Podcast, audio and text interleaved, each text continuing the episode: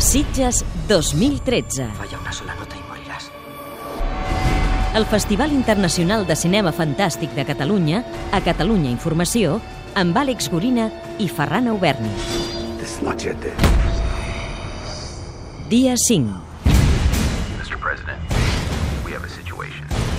Contrastos al festival. A les últimes hores hem vist dues pel·lícules molt personals però que busquen públics radicalment diferents. Dos títols oposats, com Machete Kills, de Robert Rodríguez, i Possessions, del filipí Brillante Mendoza, en una línia més minoritària. L'autor d'Obert fins a la matinada insisteix en la fórmula de violència, humor i sexe que tan bon resultat li dona, tot i que cada vegada sembla que li funcioni menys.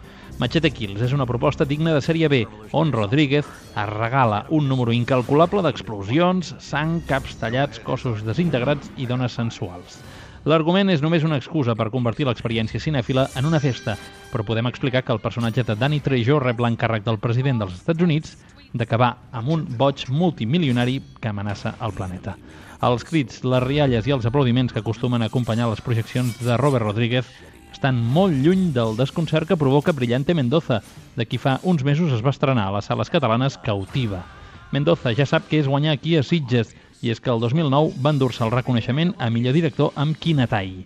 Ara ha presentat Possession, una crítica al vampirisme dels mitjans de comunicació i el poder que tenen per canviar la nostra percepció de la realitat, mostrant-nos, en paraules de Mendoza, únicament el que ells volen que veiem. Un tema molt interessant que Brillante Mendoza tracta a través del cinema d'exorcisme. America actually believes that it was put here on earth La crítica. American Jesus, el documental d'Aram Garriga, ja s'havia vist a TV3, coproductora del film, però en una versió molt curta i doblada. I hem de considerar la versió exhibida a Sitges com la definitiva.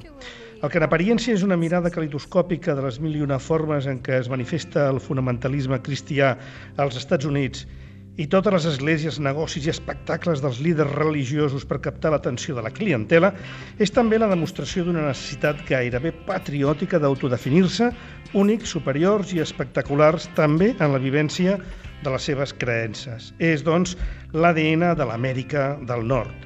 Però per nosaltres, aquestes variants de culte, fins i tot a través del món cowboy, el porno o els moteros, més aviat conformen un circ de friquis, potser còmic, potser terrorífic. De tota manera, qualsevol mirada paternalista des d'Europa seria injusta, perquè també a Europa el comerç de la religió és un fet.